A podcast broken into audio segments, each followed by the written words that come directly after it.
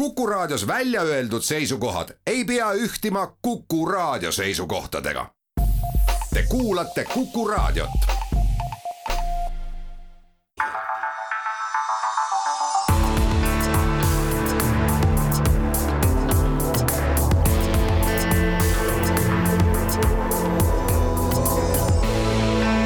olukorrast ajakirjanduses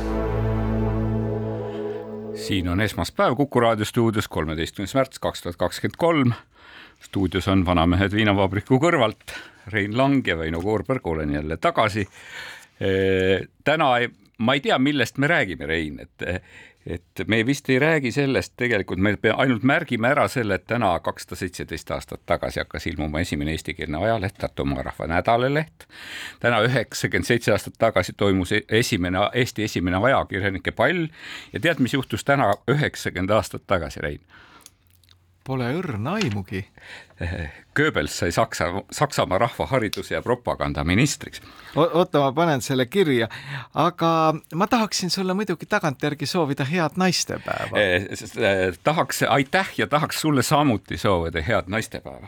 vastastikku ja aga me ei jää pikemalt, me ei jää vist pikemalt sinna Jüri Ratase ja Johannes Tralla äh, ütlusesse, sest et kõigepealt tuleb ära rubriik see, millest me täna rääkida ei jõua me arvatavasti ei jõua rääkida palju protestidest Gruusia välisagentide seaduseelnõu vastu.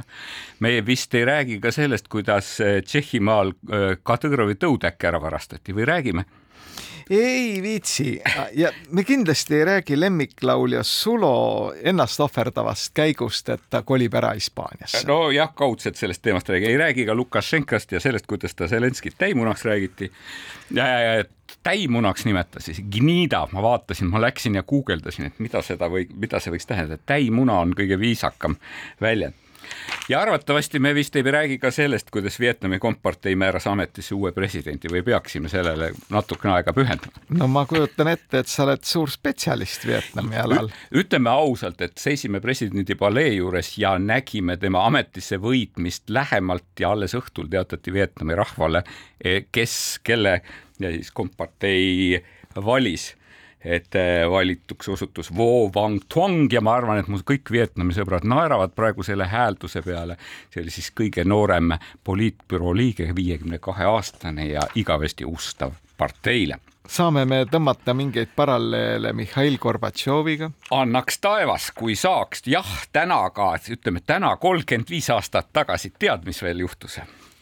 Ilmus kuulus Niina Andreeva, mäletad, kuulus Niina Andreeva artikkel Ma ei või taganeda põhimõtetest, kus kutsuti üles Gorbatšovi perestroikale pidurit tõmbama, et see oli siis see vanameelsete, vanameelsete viimane ohe, ütleks siis vist no vanamehed eh, ohkavad praegu võrdlemisi täie tervise juures, peab ütlema. no need on, need on juba nende isad ja pojad, ütleksime niimoodi.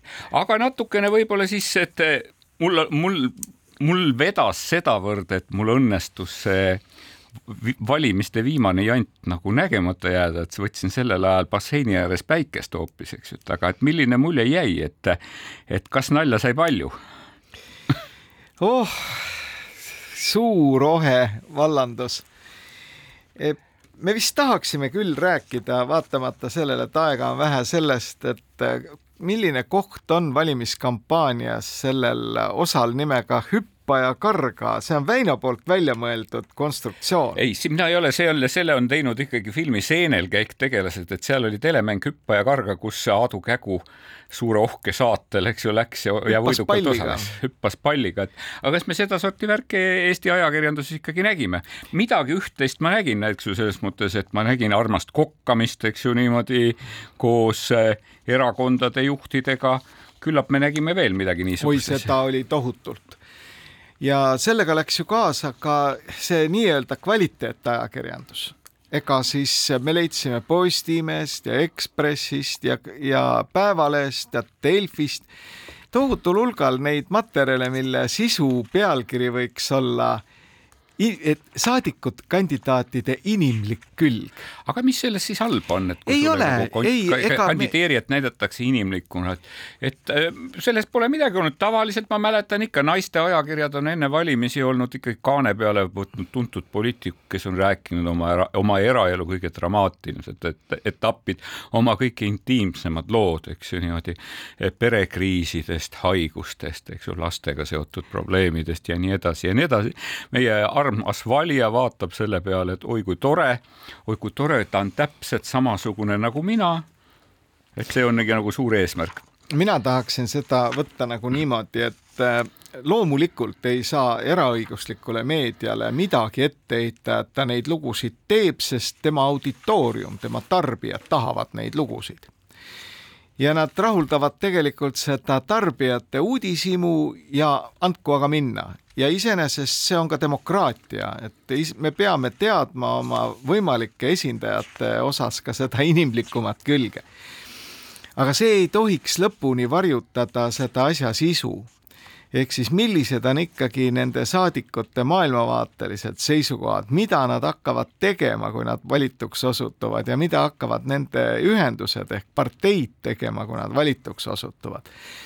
ja muide, tähendab puht äh, sellise teoreetilise poole pealt, see ongi selle Ameerika ja Euroopa süsteemi suur vahe et Euroopas peetakse loomulikuks, et on olemas tugevad avalik-õiguslikud ringhäälingud, kes mõningates riikides teevad veel ka midagi muud peale seda tele- ja raadioprogrammi, no eelkõige internetis, kelle ülesanne ongi siis mitte minna selle nii-öelda saadikute inimlikuma poole kajastamisel ehk kõik, kes kõige paremini hüppab mingi palliga, vaid tuua siis inimesteni, valijateni, tarbijateni need asjad, mis on maailmavaatelised, ehk siis selle poliitika sisu ja mis mind nagu kõige rohkem häiris nende selles valimiskampaanias oli see, et Eesti Rahvusringhääling ma ei tea, mis, mille, mis ajendil vahetult enne valimispäeva otsustas siis hakata selle kommertsmeediaga konkureerima ja tegi samasuguse meelelahutussaate,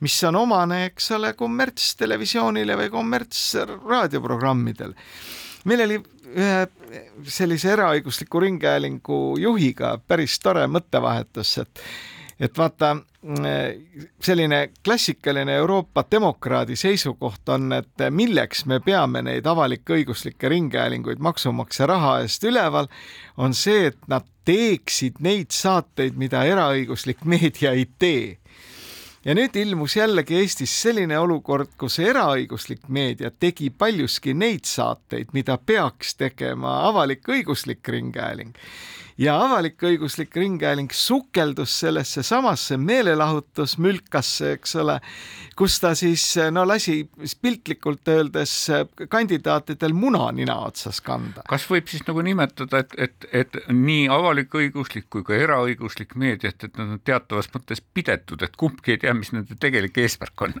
no ma ei tea, minu meelest Eestis see eraõiguslik äh, ringhääling, eriti televisioon, teab ikka täpselt, mis see tema ülesanne on, aga mida ei saa kahjuks öelda selle avalik-õigusliku ringhäälingu kohta. iseenesest, eks ega meelelahutus, see on nüüd jällegi, et iga kord, kui äh, me kuuleme mõne sellise vanamoodsa äh, avalik-õigusliku ringhäälingu apologeedi sõnavõtte, siis nad äh, toovad välja selle argumendi, et ei noh, et need kommertsmeedia hääletorud, et need tahaksid üldse keelata meelelahutuse tootmise Eesti Rahvusringhäälingus. ei taha et kui nad aga midagi teevad, seda peaks tegema vähemalt kvaliteetselt ja no valimiste ehk siis parteide ja kandidaatide pööramine nüüd selle Aadu Kägu stiilis äh, saadeteks on minu meelest lihtsalt loll. minul on, minul on üks teine mõte ka veel, et mis ei puuduta natukene seda meelelahutust, aga aga mis mind natukene, ma ei tea, kas see mind häiris või midagi, aga, aga möödunud nädala uudiste valguses, et kui, kui meil tuli uudis selle kohta, kuidas kohus võttis, kohus vahistas ühe tegelikult valimistel väga edukalt tulemused olnud, kuigi siiski mitte Riigikogusse pääsenud äh, saadikukandidaadi Aivo Petersoni ja veel kaks meest ja neid kahtlustatakse Eesti Vabariigi vastase suhte loomises, eks ju niimoodi. et, et ühtepidi me nagu rääkisime, et see, et tegelane Peterson on pisut nagu kahtlane, et eks ju, et me, et kes edastab Kremli jutupunkte, mäletame seda juhtumit, kui, kui koos e, e, Vene õigeusu kirikuga me pidime palvetama, ma ei tea, rahu eest, eks ju, Vene-Ukraina rindel ja nii edasi ja nii edasi, eks ju, kus, kus kiriku peale nagu siseministeeriumis anti nagu mingi näidati, kus tõde on, eks ju niimoodi, aga tegelikult möödunud kaks nädalat, et selle keskel mulle hakkas väga ebaproportsionaalselt silma Aivo Petersoni persooni käsitluste hulk Eesti ajakirjanduses. mis sulle tundus, sest et ma nägin teda Eesti Ekspressis, ma nägin teda ERR-is, ma nägin teda Pealtnägijas, ma kuulsin teda Vikerraadios, eks ju niimoodi, kõikides puhtudes jälle, siis ma mõtlesin, et miks talle nii suurt ebaproportsionaalset äh, avalikkuse ees esinemise võimalust pakutakse, on sul sellele vastust? kas me pausi ei pea tegema või? no aga otsime seda vastust siis pausi ajal.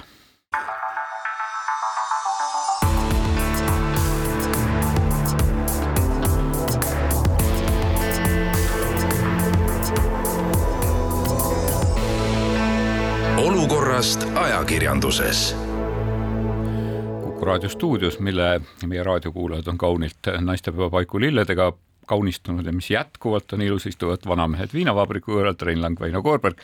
me rääkisime viimati Aivo Petersonist, kelle, kelle kaitsepolitsei ühtepidi nagu kinni võttis ja kohus andis loa teda vahi all hoida ja rääkisime sellest, et miks valimistel küllaltki hea tulemuse teinud äh, tegelasega Eesti ajakirjanduses möödunud nädalate jooksul on, on tehtud nii palju, ebaproportsionaalselt palju intervjuusid ja, ja kas see tulemus oli üllatus või mitte, no vot sellest hakkakski peale, et kas see oli üllatus, et nüüd peale valimisi nii poliitikutelt kui ka ajakirjanikelt ja täiesti tõsiseltvõetavatelt ajakirjanikelt tulevad mingid sellised signaalid, et valimistulemus oli äärmiselt üllatav, et Stalnuhhin ja Peterson said ikka üle mõistuse palju hääli. Peterson sai jah, tal jäi natukene puudu, kolm tuhat üheksasada kuuskümmend kaheksa häält. Stalnuhhinil jäi kolmsada häält puudu isikumandaadist.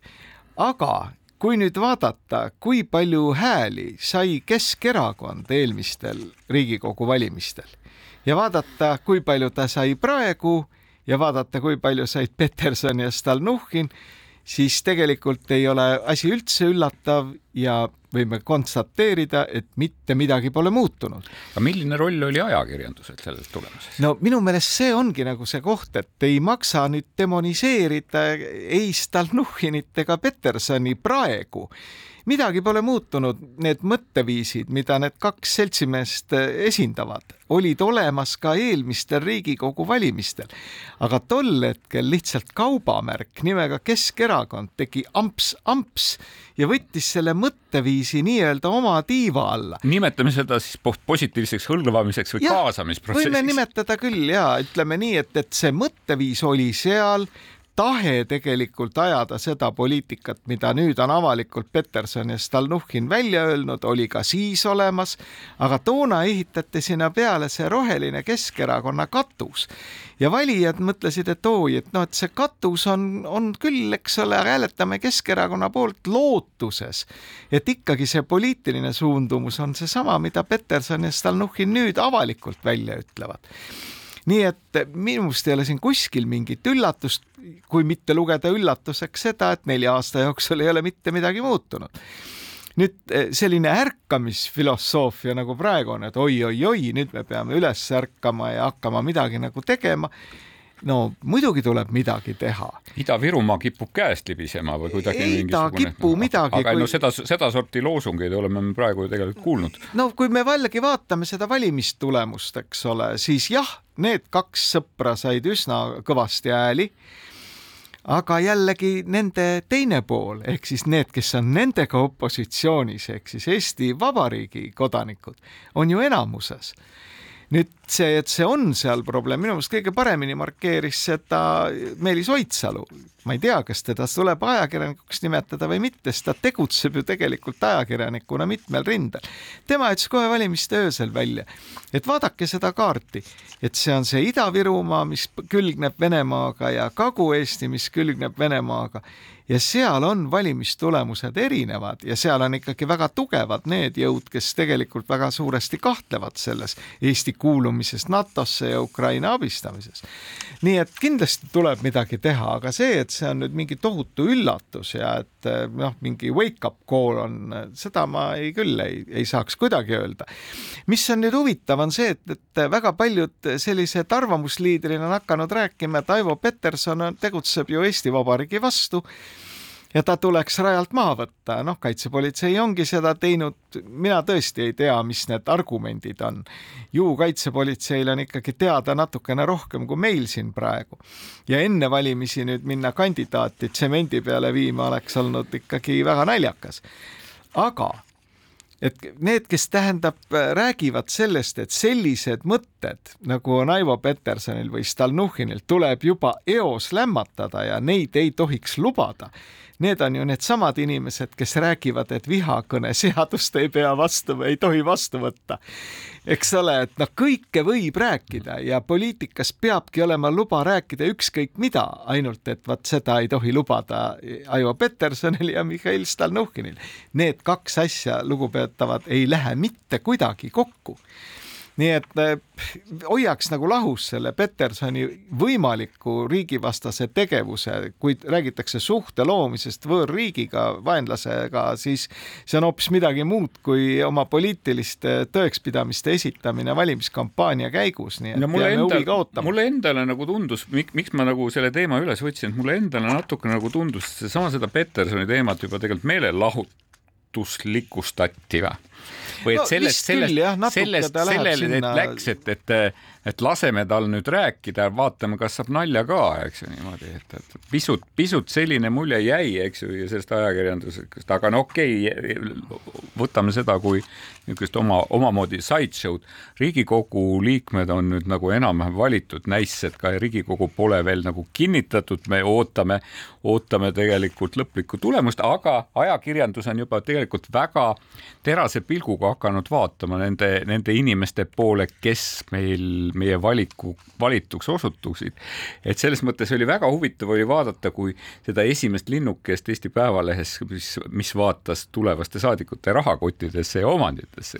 see on märksa olulisem kui see, et vaadatakse tagantjärgi, kes paremini tantsib seda kindlasti. et see, et need tantsumehed said ikkagi nagu sisse, eks ole, valimistel, see oli nende valimiste väga positiivne tagajärg. Nüüd, kas ajakirjandus peaks vaatama saadikute rahakotti? loomulikult peab, muide need saadikute huvide deklaratsioonid on ju kõik avalikud aga mis oligi nagu huvitav selle Päevalehe aktsioonis, oli see, et need andmed, mis seal inimeste kohta toodi, ei olnud täpselt võrreldavad. väga, jah, ma ei tea, mis formaadis neid koguti, eks ju, kas neid kasutati ankeedi vormis, et osad olid väga pealiskaudsed, osad olid, osad olid küllaltki täpsed, võib-olla nagu nendelt inimestelt, kes olid harjunud sedasorti deklaratsioone esitama, aga, aga no mida, mida seal siis nagu märgata võis? No e, nagu klassikaliselt mina vaatasin, vaatasin sõidukeid, et, et on suur hulk saadikuid, eks ju, kelle ainsaks varanduseks on üheksakümne kaheksanda aasta Audi. et no umbes ma kujutan ette, et kui me vaatame ka Putini Vladimir Putini varandus või huvide deklaratsiooni, siis ta arvatavasti on sinna deklareerinud selle Zaporožetsi, mille tema vanemad kunagi loteriil võitsid ja siis pojale kinkisid, eks ju, et umbes see on ainukene sõiduk, mis tal on olemas. et see oli huvitav. teisipidi saime kindlasti ka aktsianõu, sest vaatasime, et, et, et millistesse aktsiasse, aktsiatesse majanduslikult edukamad inimesed investeerivad ja sellega seoses saab siis alati vaadata, et, et kas, kas edasises nagu ar Riigikogu arutelus eh, kohtab, kohtab eh, ütleme suundumusi, et kus me võiksime noh, kiita väga Enefit Greeni või, või vaadata Merko ehitusele otsa, et, et vaatasin vist, et ainukene, ainukene, kes oli, oli inve, julenud investeerida ka meediaettevõtetesse, et, et, et oli tõesti kandidaatide seas üks, vähemalt üks saadik, kes oli, kellel, kes omas ka Ekspress Grupi aktsiaid ja see oli Yoko Alender eks ju. ja, ja siis oli väga huvitav oli nagu ikkagi see, et, et väga erinev oli see nagu ettevõtlusest tuleneva, ettevõtlusest tuleneva tulu nagu tase, et eks ju, et, et seal olid inimesi, kes tegelesid väga aktiivselt mitte, mitme ettevõtlusega ja, ja tegelikult teenisid vist aasta jooksul ainult tuhat kuussada eurot, elasid sisuliselt teiste kulul ja, ja, ja siis oli teisipidi oli ka väga edukaid ettevõtteid, nii et ma arvan, et see peegeldab ikka Eesti, tervet Eestit vist see Riigikogu või? no see ongi selle, selle huvide deklaratsiooni nõrkus omamoodi, eks ole, et sealt ei tule tänasel päeval kõik need seosed välja. Milleks seda üldse tehakse, on ju see, et oleks võimalik huvide konflikt paistaks läbi, et igaüks saaks tegelikult reaalajas vaadata millised on ühe või teise otsustaja majanduslikud huvid ja kas, kui ta otsustab ühte või teistpidi, et kas selles võib mängida rolli huvide konflikt. nüüd see Enefit hakkas ka minule, Enefit Green hakkas ka minule silma et me võime ju siis vaadata, kuidasmoodi hääletatakse Riigikogus mingisuguse eelnõu poolt. Fit for fifty five või? jah, mis siis mõjutab oluliselt selle Enefit Greeni aktsia liikumist kas üles või alla. aga see ongi selle demokraatia sisu et kui ma jälgin praegu väga pingsalt seda, mis toimub äh, Eesti ühe väga kõrge euroametniku ümber, eks ole, et äh, poliitiku süüdistab sisuliselt äh, härra Hololeit, kes on transpordi peadirektoraadi peadirektor Euroopa Komisjonis, selles, et tal on huvide konflikti situatsioon. et ta võttis Qatar Airwaysilt vastu tasuta lende, samas kui Euroopa Komisjon pidas läbirääkimisi Katariga äh, selle äh, maandumisvõimaluste ja, ja Euroopa kas lubada Qatar Airways, eks ju, Euroopa Liidu turule, eks ju, tähendab anda juurdepääs, ma ei tea, seal viiesajale miljonile inimesele. ja nüüd, mis on huvitav, on see, et Euroopa Komisjonis kehtib ju selline reegel, et kui sa võtad mingisuguse hüve, nii nagu see Qatar Airways andis siis kõrgele ametnikule tasuta reise, siis keegi peab hindama, kas selles on huvide konflikti situatsioon või mitte ja kui on, siis ei tohi seda vastu võtta nüüd, kes seda hindama peab? ja mis ma vaatasin, et Eesti ajakirjandus tegi suured silmad kui selgus, et Euroopa Komisjonis esimesena peab seda hindama see hüve vastuvõtja ise. no selgub, et ma ei tea, kas Eesti ajakirjandus tegi suured silmad, mulle tundus, et Euroopa Komisjon tegi ise ka suured silmad, sellepärast et nad väga kiiresti, väga välkkiirelt muutsid seda korda ja siis see uus kord hakkas kehtima juba järgmisest päevast, eks. ja vaata, Väino, aga see ongi nüüd see koht, et et alati just nimelt see vastuvõtja peabki olema esimene hindaja, tema peab tegelikult langetama esimesena otsuse, kas seal on huvide konflikt või mitte kas seda tema otsust peab keegi järele vaatama, see on nüüd järgmine küsimus aga ei saa kindlasti teha nüüd sellist süsteemi, et keegi teine Pea, otsustab. peadirektor läheb raamatupidajast käest küsima. kas mul on huvide konflikt? aga no lihtsalt, et kui sul tekib selline olukord, et kas sa siis nagu pead lihtsalt äh, leppima kõikide nende tagajärgedega, mis tulevad, et meediapeks, eks ju, võimalik nagu arutelu komisjonis, eks ju, niimoodi, võib-olla ka probleemid, mis võivad tekkida sinu nagu töösuhte jätkamisel ja nii edasi ja nii no, edasi. absoluutselt ega et... siis, kui, kui sa ikkagi deklareerid, et huvide konflikti ei ole ja sisuliselt tõestatakse kas siis ajakirjanduse poolt või kelle, kelle iganes poolt, ka poliitiliste okup-, oponentide poolt, et oli küll, siis on ikkagi kuri karjas et see on vaata, aga nagu Ameerika süsteem on ju ka see, et, et sinu käest küsitakse, kui sa tahad Ameerikasse sisse sõita, et söör, et kas te olete tarbinud narkootikume. ja kui sa kirjutad, et olen küll, eks ole, siis see ei ole nüüd põhjus, miks sul keelatakse Ameerikasse sissesõit. aga kui sa ütled, et ei ole ja ameeriklased teavad, et tegelikult oled, siis on, tuleb suur jama. siinkohal teeme pausi ja arutame seda teemat edasi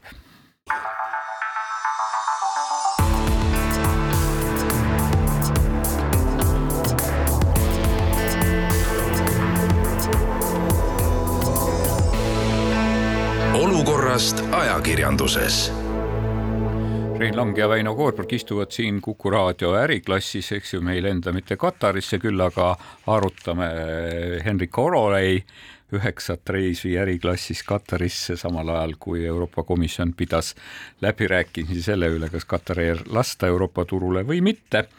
Ja jäime kuidagi selle eetikamajakate teema juurde, et, et kas siis mulle, mulle nagu tundus, et sa pisut heitsid Eesti ajakirjandusele ette, et, et, et liiga hilja sai Eesti ajakirjandus nagu aru, et kus selle probleemi teravik või olemas on. No ma ei, ma ei ole päris kindel, et ta tänaseni on aru saanud ja, ja tegelikult ei tahaks ma ka arutada täna veel selle Hololei lendude üle, et ta on ise ütelnud, et seal huvide konflikt puudub. komisjon on samamoodi öelnud, et huvide konflikt puudub, aga Politico möllab edasi, eks ole et jääme siis huviga ootama, millised ajakirjanduslikud materjalid selle kohta tulevad. no ja vaata jälle minu meelest see, kuidas komisjon on tegutsenud, see, et see nagu seda, seda korda on muudetud ja seda, et, et edaspidi, edaspidi tuleb säärastes olukordades peavad hololeid, eks ju, enne, enne säärase reisi vastuvõtmist nõu pidama vastutava voliniku või kabinetijuhiga, kuigi nagu see on tõepoolest, see on imelik, eks ju, väga kõrge Euroopa Komisjoni ametniku puhul, eks ju. et see tegelikult näitab, et seal mingi jama ikkagi oli, sellepärast et komisjon nagu alguses ikka ütles, et kõik on puhas nagu prillikivi ja alles pärast nagu selgus, et, et tegutseti kuidagi vaikselt edasi. et see on nagu ühtepidi huvitav ja, ja, ja, ja, ja noh, taustal on muidugi, et see ei ole esimene kord Euroopa Komisjonis ja me peaksime olema tegelikult või Euroopa Liidus, et ikka, et me peaksime olema naiivsed, ütlema, et, et, et kui sääraste ametnike kõrval ja ümber ei tiirleks kõikvõimalikke tegelasi, kes teeksid ahvatlevaid pakkumisi vaat aga ega siis see ongi ka... nüüd see lobireeglite teema on nagu mida, mida nagu, mida Euroopa Liidus püütakse väga selgelt reglementeerida, eks ju, alates lobistide registreerimisest ja, ja neile reeglite kehtestamisest, eks ju, et aga kas see töötab tegelikult? aga eks ju kaasused alati toovadki kaasa mingisugused regulatsioonid või siis regulatsioonide muutmised, eks, et see elu ongi see, mis teeb korrektiive nüüd äh, mina muutun alati väga ettevaatlikuks siis, kui äh, keegi hakkab väga valjuhäälselt korruptsiooniga võitlema. sest alati tuleb esitada küsimus, mis on sellise käitumise motiiv. Vietnami uus president on lubanud ja, korruptsiooniga võidelda. et see korruptsiooni vastu võitlemine on üks väga trikiga värk, et et äh, tegelikult korruptandid leiavad alati mingisuguse sellise priu, kust kaudu siis oma majanduslikke huve ajada ja nende prigude kinnitoppimine on avalikul võimul tihtipeale väga-väga keeruline sellega tuleb pidevalt tegeleda. aga no mis ongi kõige tähtsam, on see, et, et see huvide konflikti situatsioon oleks läbipaistev ja kõigile arusaadav. nii et noh, selles osas, kui Päevaleht tõesti kavatseb jätkata seda saadikute varaliste huvide läbivalgustamist, siis see on hea ajakirjandus, see on väga hea ajakirjandus.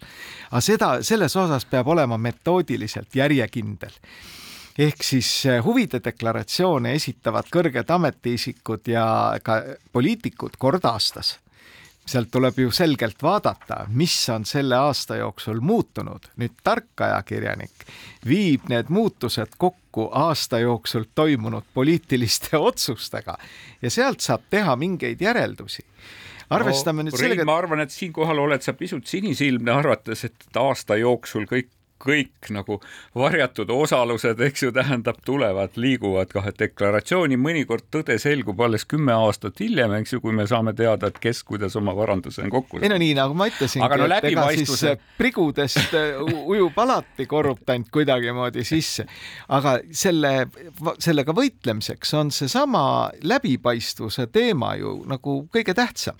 kui seda ei viitsita teha ja öeldaksegi, et noh, et mis seal ikka, et kes on huvi tunneb, eks ole, läheb seal rahandusministeeriumi või ma ei tea, kes seda kodulehte praegu just peab, ise vaatab, noh, tehku siis omad järeldused. ajakirjanduse asi ei ole mitte tuimalt ära ümber trükkida neid huvide deklaratsioone, vaid neid analüüsida ja vaadata seda, kuidas reaalajas siis muutuvad inimeste varanduslikud seisud poliitiliste otsuste tulemusena. seal on väga-väga palju huvitavat ja see nõuab tegelikult ajakirjanduselt head analüüsivõimet ja muide, nii kurb kui see ka ei ole, ka aega ja tahet. aega, tahet ja ajaloolist mälu tahaksin ma ütelda. ajaloolist mälu et kindlasti. läbipaistvuse teema tegelikult tuli, tuli kõneks ajakirjanduses möödunud nädalal ka seoses praegu käivate koalitsioonikõnelustega, et ühtepidi me arutasime siin Reinuga saateks valmistudes, et kas, et kumba on Eesti ajakirjanduses rohkem soolapuhujaid ja astrolooge või siis neid politolooge ja kõikvõimalikke spetsialiste, kes praegu nagu eh, kommenteerivad kõikvõimalikke arenguid seoses uue koalitsiooni ja, ja selle töökavadega, et Kaarel Tarand eh, on eh, Sirbis kutsunud üles, et päästma, päästma poliitikuid, neid, kes praegu kes praegu peavad koalitsiooni, kõigepealt kaheksa tundi koalitsiooniläbirääkimisi ja pärast veel kaheksa tundi ajakirjanikele seletamist, parandamist, ümberlükkamist, uuesti seletamist ja siis oma koalitsioonikaaslastele vabandamist ja selgitamist, et päästa nende, nende töö, neid ja, ja, ja kohaldada neile tööpuhkeaja seadust ja paigaldada koalitsiooniruumi kaamerad. no ta arvatavasti ei pidanud seda otsesõnu silmas, aga, aga muuta seda koalitsiooni läbirääkimiste protsessi palju läb, läbipaistvamaks noh, see on vana vaidlus, siin ei ole jälle nagu suurt midagi uut, et sotsiaaldemokraadid on äh, ajanud, kui ma nüüd õigesti mäletan, siis vähemalt viisteist aastat seda joru, et kõik Riigikogu komisjonide istungid peaksid olema avalikud, et äh, need tuleb üle kanda ja siis igaüks saab vaadata, mida tema valitud saadik seal parajasti räägib või kuidas hääletab et äh, sellele on alati olemas see vastukäik, et öeldakse, et kui tahetakse sisulisi läbirääkimisi ja sisulisi vaidlusi, siis need ei saa toimuda kaamerate all, et noh, sealt on võimalik nii palju välja kiskuda kõikvõimalikke üksikuid äh, sõnavõtte ja kontekstist välja rebida mingeid seisukohti. kaamerate all kindlasti mitte, aga no siiski kasvõi seesama protokoll võiks olla ja küllaltki täpne või stenogramm võiks olla ikkagi avalik, sellisel juhul ei tekiks seal seda efekti nagu, nagu Riigikogu infotunnis, eks ju, mida ERR üle kannab. sa mõtled nüüd kus, Riigikogu keegi... komisjonide ei, puhul jah, siis puhul protokollid on avalikud nii aga, või teisiti. aga detailsemad. no ma ei ole ka kindel, et nüüd need kõik need sõnavõtud peaksid olema need protokollides kirjas, et see. tõde on detail või saatan on detailides. saatan, läbirääkimised on alati väga emotsionaalsed ja, ja seotud ka väga suurte lehmakauplemistega, see ongi ju demokraatia lõpuks, et me peame leidma mingi kompromissi. Nüüd see koalitsiooniläbirääkimiste tuppa kaamera paigutamine või selle täiendav avalikustamine, see on nüüd väga huvitav trikk. Et ühe käega siis Kaarel soovib nagu, et kergendada oma kolleegide tööd, et nad siis jälgivad seda otseülekannet seal, kirjutavad kes siis kirjutab analüütilist artiklit, Mart Juur kirjutab oma viimast lehekülge, eks ole.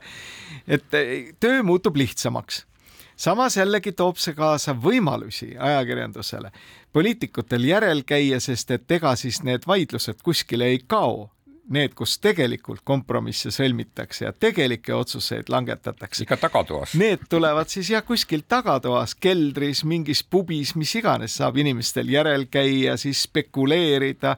keegi näeb kedagi kellegiga rääkimas kuskil pimedas kohvikunurgas, sellest saab teha story no ma ei, ei ole kindel, et seda nagu vaja on, minu meelest see, et neid koalitsiooni läbirääkimisi peetakse, Andrus Ansip tegi alati niimoodi, et äh, kui päev otsa sai, et need läbirääkimiste voor läbi sai, siis ta kutsus ajakirjanikud kohale, läks ja rääkis põhjalikult temale omasel moel äh, vajutas nupule käima ja rääkis siis sellest, millest räägiti teinekord võttis äh, siis vaidluspoole ka juurde, see sai oma seisukoha öelda, et inimesed olid nagu üldiselt kursis sellega ja. aga praegu me saame tegelikult ikkagi killukesi nendest inimestest, kes on valmis midagi rääkima, kes midagi poetab ja, ja tegelikult ütleme niimoodi, me sobrame just nagu müras. no Tundub, tegelikult me sobrame on... udus, eks ju, ja, ja, ja, ja, ja ega kas see võiks olla ka hea üldse? ega see ei ole ju veel alanud, see koalitsiooni läbirääkimiste suur maraton et esiteks siin on jällegi nagu ettekujutus väga paljudele inimestele, et valimised on läbi, eks ole, jõujooned on ümber mängitud, hakake tööle, mis te sealt passite tegelikult ei saa ju uus Riigikogu üldse kokkugi tulla enne seda, enne kui valimistulemused on välja kuulutatud ja oi-oi, kui palju selleks veel aega läheb, et kõiki neid kaebusi ja vaidlustusi tuleb ju lahendada.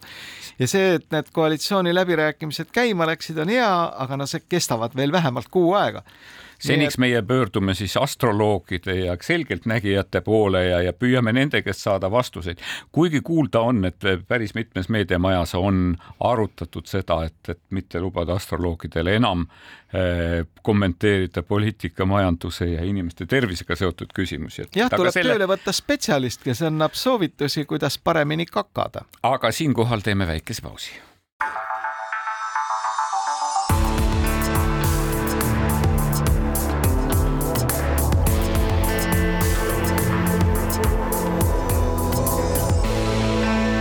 olukorrast ajakirjanduses.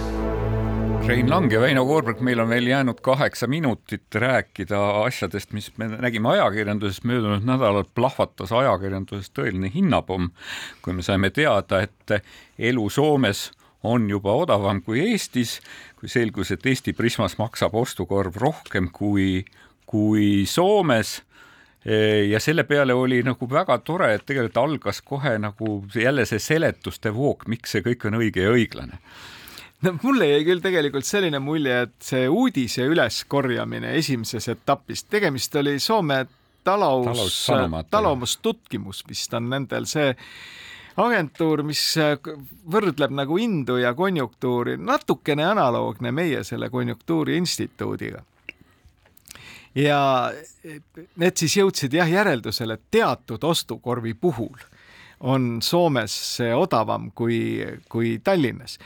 aga minu meelest selle üleskorjamise mõte oli see, et saaks jälle järjekordselt vahetult enne uue valitsuse moodustamist rääkida sellest, et toiduainete käibemaks tuleb alla lasta.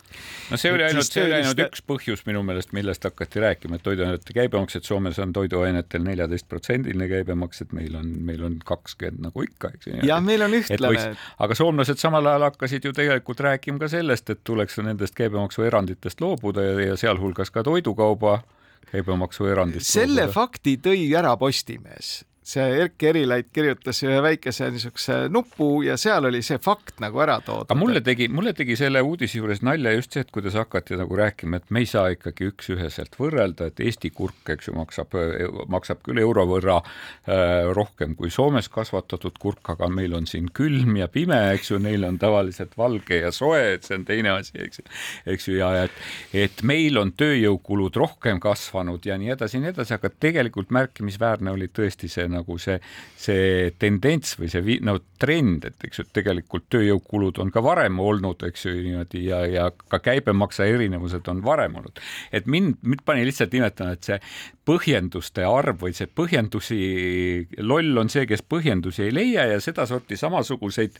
näiteid nägin ma möödunud nädalast veel, et et bensiinimüüjad järjekordselt seletasid, et miks Tallinnas hind ei lange, Riias, Vilniuses langeb, eks ju, ja imestasid, et et tundub, et inimesed on piisavalt rikkad, ostavad ikka kütust, ainult ettevõtjad, ettevõtted on vaeseks jäänud, et, et diislit osta ei taha ja gaasimüüjad ütlesid, et, et nende, nende CNG gaasi hind on õiglane, mis sest, et see nagu arvutuste järgi on kolmandiku võrra kallim, aga te ju tahate, et pump töötaks ja et bensiinijaam või see äh, tankla oleks valgustatud ja seal oleks inimesed tööl, eks ju.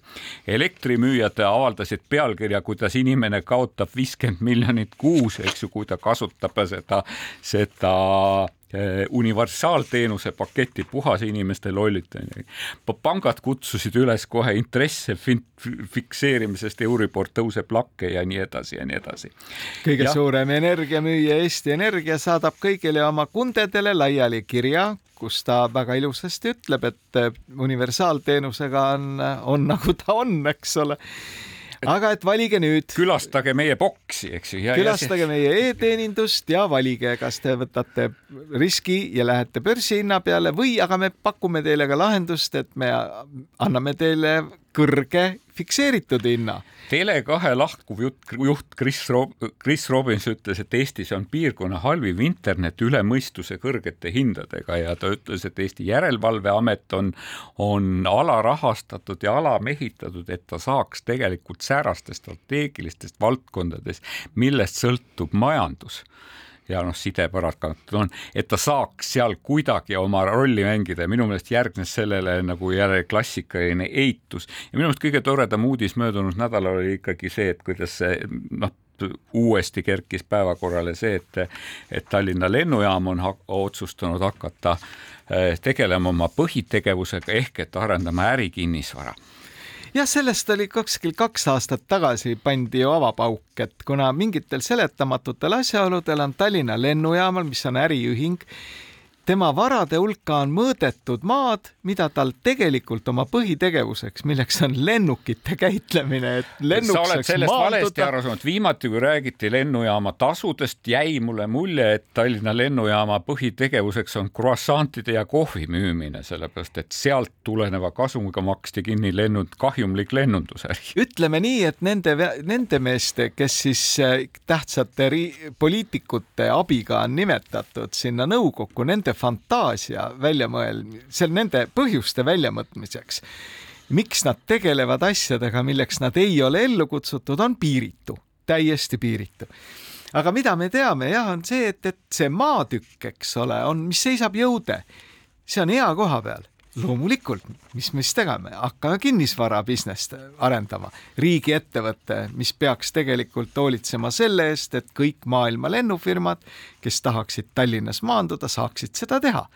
see aitaks Äge. kaasa turismile, majandusele, kõikvõimalikele sidemetele, et Eesti oleks maailmakaardil tühja sellest. kortereid. meil võiks olla veel üks kontor kusagil. jah, et ma mõtlesin, et kui nüüd seda aktsepteerida, et lennujaam saab äh, ärikinnisvara arendada, et huvitav, kas Konkurentsiametil ei ole natukene üleliigset maad oma kontori kõrval et sinna võiks näiteks bensiinijaama sinna teha. võiks panna bensiinijaama püsti ja, ja ma olen kogu aeg mõelnud seda, et Eesti Energia rahavoog peaks olema piisav, et nad saaksid tegeleda pangandusega, aga võib-olla panganduse kõrvalt isegi võiks kasutada noh, täpsemalt kuidagi fokusseerida seda äri, et võiks kiirlaenuäridega hakata tegema.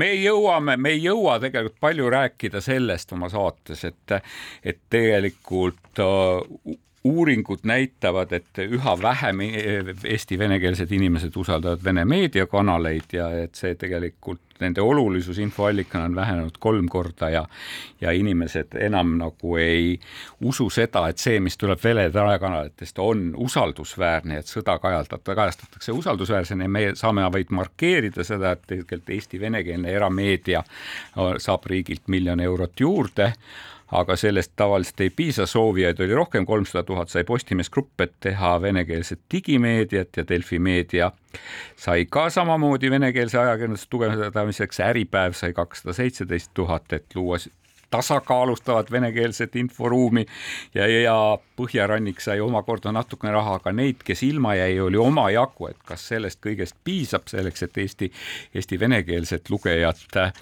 informeerida, seda me veel praegu ei tea, seda no. me saame võib-olla järgmises saates rääkida, meie peame tõmbama otsad koomale, kellele saata tervituslaul, tahtsime saata tervituslaua te,, laulu tegelikult Eesti kohtute direktori Elari Uudamile, kes on Miro skulptuuri pildi edastamisega tekitas tõelise kaose Eesti kohtute naispere seas ja ja mis muu lauluga me saaksimegi teda tervitada, kui Anne Veski lauluga Ma kaeban meeste peale nüüd. kohtumiseni järgmisel nädalal.